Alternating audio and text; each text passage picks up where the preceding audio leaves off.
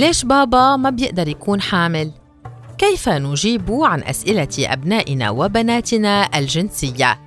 سامية علام في سنوات الطفولة الأولى تكثر التساؤلات والاستفسارات على ألسنة الأبناء والبنات لغرض اكتشاف عالمهم وأيضاً استكشاف أنفسهم وأجسادهم. لا يخلو الأمر من الأسئلة ذات الصبغة الجنسية التي قد تربك الأهل حيث يقف عاجزين أحياناً أمام خيارات أحلاها مر. الصمت وترك الطفل في حيرته أو الإجابة المقتضبة التي قد لا تقنع الابن أو الإبنة أو الاسترسال في الإجابة بما قد يفتح بابا من التساؤلات لا يمكن غلقه. للبحث عن إجابات شافية وإنهاء هذه الحيرة، كان لنا هذا الحوار مع المدربة في مجال التربية الجنسية وصانعة البودكاست كريستينا كيغدو. أيهما أفضل؟ أن نجيب عن الأسئلة الجنسية الفضولية للأطفال في حينه أو أن نؤجلها؟ من الضروري أن نجيب على هذه الأسئلة حين يطرحها أبناؤنا وبناتنا حتى لو حدث ذلك في سن مبكرة جدا مثل عمر السنتين أو الثلاث سنوات. ولكن مع إدراك أن لكل سن إجابة مناسبة قد تكون مختلفة عن إجابة نفس السؤال في عمر مختلف. حين نجيب عن هذه الأسئلة من المهم أن تكون لدينا معلومة، ومن المهم أن نوائم هذه المعلومة مع عمر الطفل. فحين تسأل طفلة بعمر ثلاث سنوات من وين بيجيبوا الأطفال؟ فالإجابة حتماً ستختلف عن إجابة نفس السؤال حين يطرحه مراهق أو مراهقة والتي ستختلف بدورها عن إجابة نفس السؤال حين يطرحه طفل بعمر الثمان سنوات. وبعمر أربع أو خمس سنوات يسأل الأطفال عن الفرق بين الجنسين ويلاحظون اختلاف جسم الرجل والمرأة كثير من العائلات أخبرتني بأن الاستعانة بكتب العلوم لشرح هذا الأمر نفعهم كثيرا أو يمكننا ببساطة إخبارهم أن لدى الفتاة فرج مثلما الذكر لديه قضيب يبول منه نكتفي بالتعريف بالعضو ووظيفته فقط في هذا العمر هل ينبغي أن يبدأ الأهل النقاش مع الأطفال عن هذه الأمور أم ينتظروا أن يسألوا القاعدة العامة أن ننتظر الطفل ليسأل أو أن تحدث أمامنا مواقف تستدعي أن نشرح للطفل دون أن يسأل بشكل مباشر. مثلا أن يرى الأخ جسد شقيقته في عمر صغيرة خلال الاستحمام. يمكن شرح الفرق بينهما وقتها دون انتظار أن يسأل. وما هي الطريقة المثلى للإجابة عن هذه الأسئلة؟ هناك عدة نقاط ضرورية الإشارة إليها في هذا الصدد. اولا يجب أن تكون الإجابة مبنية على معلومات وليس رأي شخصي وفي حال طرح الطفل أسئلة ليست لدينا أجوبة لها ينبغي أن نكون صادقين وصرحاء ونخبره بأننا سنبحث في المسألة ونعود لنجيبه. أمر آخر وهو أن الأولوية هي أن نسمح للأطفال والطفلات بأن يعبروا ويحكوا وإذا كانت أسئلتهم صادمة بالنسبة لنا علينا أن نتعامل مع هذه الصدمة ونتذكر أن الأطفال لا ذنب لهم في أن لديهم فضول وأن عالمنا واسع وأن لديهم اطلاع واسع على الكثير من الأشياء التي تحدث فيه. وإذا كانت الصدمة النفسية كبيرة علينا ما يمكن أن نقوله شكرا أنك حكيت لي. بس أنا مش جاهز أحكي فيه. رح أرجع أفكر في الموضوع ونرجع نحكي فيه. ضروري أيضا الا يكون لدينا ارتباك وخجل أثناء الإجابة عن أسئلة الأطفال هذه علما أن هذه المشاعر متفهمة. كون الكثير منا لم يحظى بتربية وتنشئة سليمة فيما يخص المعرفة عن الصحة الجنسية والإنجابية. ولكن علينا أن نتذكر أنه لنشعر أطفالنا وطفلاتنا بالأمان ينبغي أن نشعر بالأمان اولا. وحتى نشعرهم بالراحة ينبغي أن نشعر بها أيضا اولا. وبما تنصحين ليستعد الأهل ويشعروا بالراحة للحديث مع الأبناء والبنات في هذا الأمر. أقترح أن يتحدث الأباء والأمهات اولا مع الأصدقاء أو الأقارب الملمين بهذه المواضيع أو استشارة أحد المختصين إذا كانوا يشعرون بالكثير من الارتباك والخجل أو أن يحكي الأب مع الأم أو العكس قبل الحديث مع الطفل أو الطفلة في هذه الأمور وما إن يشعر بأنهم قادرون ومرتاحون لفعل ذلك يتحدث مع الطفل أو الطفلة. ماذا عن الطفل؟ ما الذي ينبغي على الأهل فعله لجعله مرتاحا خلال الحديث؟ مهما كان ما يقوله الطفل ضروري الا نشعره بالذنب أو نحمله عبء مسؤولية فضوله. يعني لا نقول له أنت من وين جايب هالموضوع؟ وليش عم تسأل هالأسئلة؟ أنت عارف إنه هاي الأشياء ما بصير يتحكى فيها؟ لأن ردة الفعل التي بها صد عوضا عن الاحتواء تكون بمثابة رسالة مبطنة منا للأطفال مفادها أن تساؤلاتهم غير مرحب أو مرغوب فيها. وفضول الأطفال لا يمكن قتله لأنه جزء طبيعي من تكوينهم وهو الذي يمكنهم من التعرف على العالم. فبالتالي إذا لم يجدوا المساحة الآمنة والمريحة للإجابة عن استفساراتهم في المنزل فبالضرورة سيبحثون عن الأجوبة في أماكن أخرى.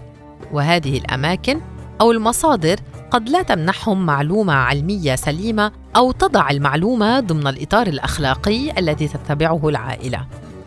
هذا يعني أن هذه الأسئلة الجنسية أمر جيد أسئلة الأطفال الجنسية تمنح ذويهم فرصة ذهبية لمنحهم معلومة سليمة اولا وتأطير هذه المعلومة ضمن الإطار الأخلاقي المناسب للأسرة أو العائلة ثانياً، فبعد أن نشرح المعلومة بشكل علمي، يمكن أن نوضح أن هذه الممارسة مرغوبة غير مرغوبة بالنسبة لعائلتنا ونعطي الحجج لذلك. هل من محاذير خلال هذا الحوار؟ نعم.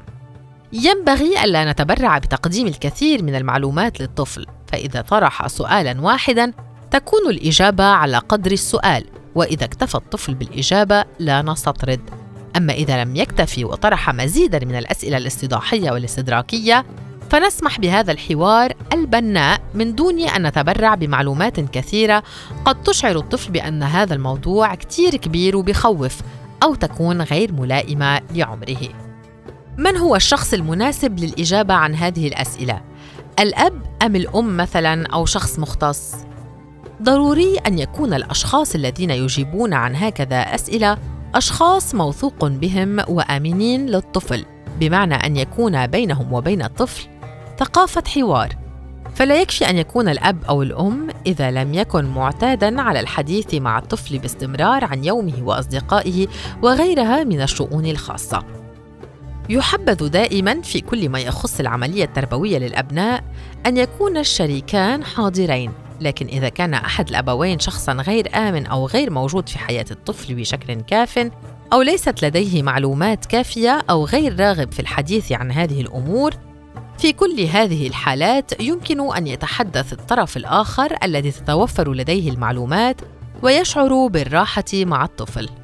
في بعض العائلات يتم اللجوء للخال أو العم أو الجد للحديث مع الطفل حيث يكون أكثر إلماماً بهذه المواضيع لكن اللجوء لمختص يوصى به في حالة حدوث اعتداء جنسي أو إدمان على مواد إباحية أو إذا كان الأطفال بحاجة لمعلومات معمقة والأهل وصلوا لطريق مسدودة وليست لديهم الموارد الكافية في العائلة من أشخاص يمكنهم إجابة الطفل.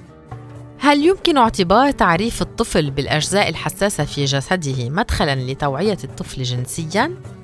نعم بالطبع، يبدأ الأطفال التعرف على أجسادهم في سن صغيرة وبنفس الوقت يمكن أن نعرف الطفل هذا قضيبك والطفلة هذا فرجك البعض يعتمد على تصغير أعضاء الجسم خلال تعريف الطفل عليها فيقول هذا النوف هذا بطون ولا مشكلة أن نخبرهم بالمثل بأن هذا فروج وهذا قضوب لكن ينبغي استخدام التسميات الصحيحة لهذه الأعضاء حتى تكون دلالات الأشياء واضحة برأس الطفل. بعمر ثلاث سنوات وعندما يبدأ الطفل استكشاف خصوصية جسده يمكن اغتنام الفرصة لإخباره عن الأعضاء الخاصة التي لا نكشفها للآخرين. ونرتدي لذلك الملابس الداخلية. ضروري ألا نضحك على الأعضاء التناسلية للطفل أو نشعره بأنها محورية إذا خرج مثلا أمام الضيوف كاشفا إياها حتى لا يكرر ذلك لجذب انتباه الآخرين. جزء من استكشاف الطفل لجسده يكون بفحصه باليد فإذا لم نحسن التصرف في هكذا مواقف قد نوصل رسائل خاطئة لأطفالنا عن أجسادهم. مثلا إذا طفلة وضعت يدها على فرجها ونهرناها وأخبرناها بأنه لا ينبغي أن تفعل هذا فلن تفهم لماذا هناك جزء من جسمها لا يحق لها لمسه ينبغي أن نساعدها على بناء علاقة صحية مع هذا الجسم بعض الآباء والأمهات يتخوفون من أن تكون الأسئلة الجنسية مؤشراً على تعرض الطفل أو الطفلة لفعل أو محتوى جنسي. ما رأيك في هذا؟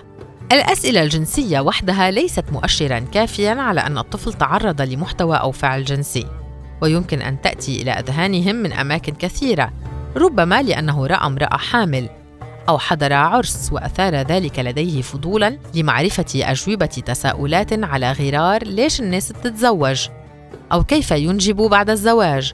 ليش بابا ما بيقدر يكون حامل مثل ماما؟ كيف البيبي بيدخل على البطن؟ وكيف البيبي بيطلع من البطن؟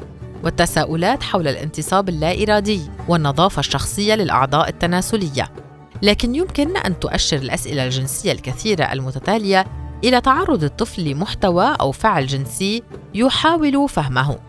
سيما لو أن هذه التساؤلات تصاحبها تغيرات جذرية في السلوك مثل الأكل والنوم واللعب والتعامل التبول اللا إرادي وجود عدة مؤشرات من هذه قد تكون مؤشرا على التعرض لمحتوى أو اعتداء جنسي.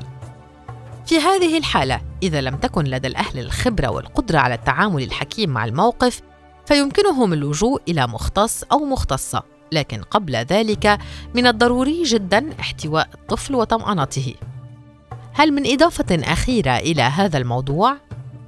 أود أن أشدد مرارا وتكرارا على أن ثقافة الحوار العامة مع الأبناء والبنات وفي هذه المواضيع على الخصوص والتربية الجنسية تساعدنا كأهل على تعريف أبنائنا وبناتنا بأجسادهم وتقديم الدعم الذي نقدر عليه لحمايتهم من أي اعتداء جنسي قد يتعرضون له.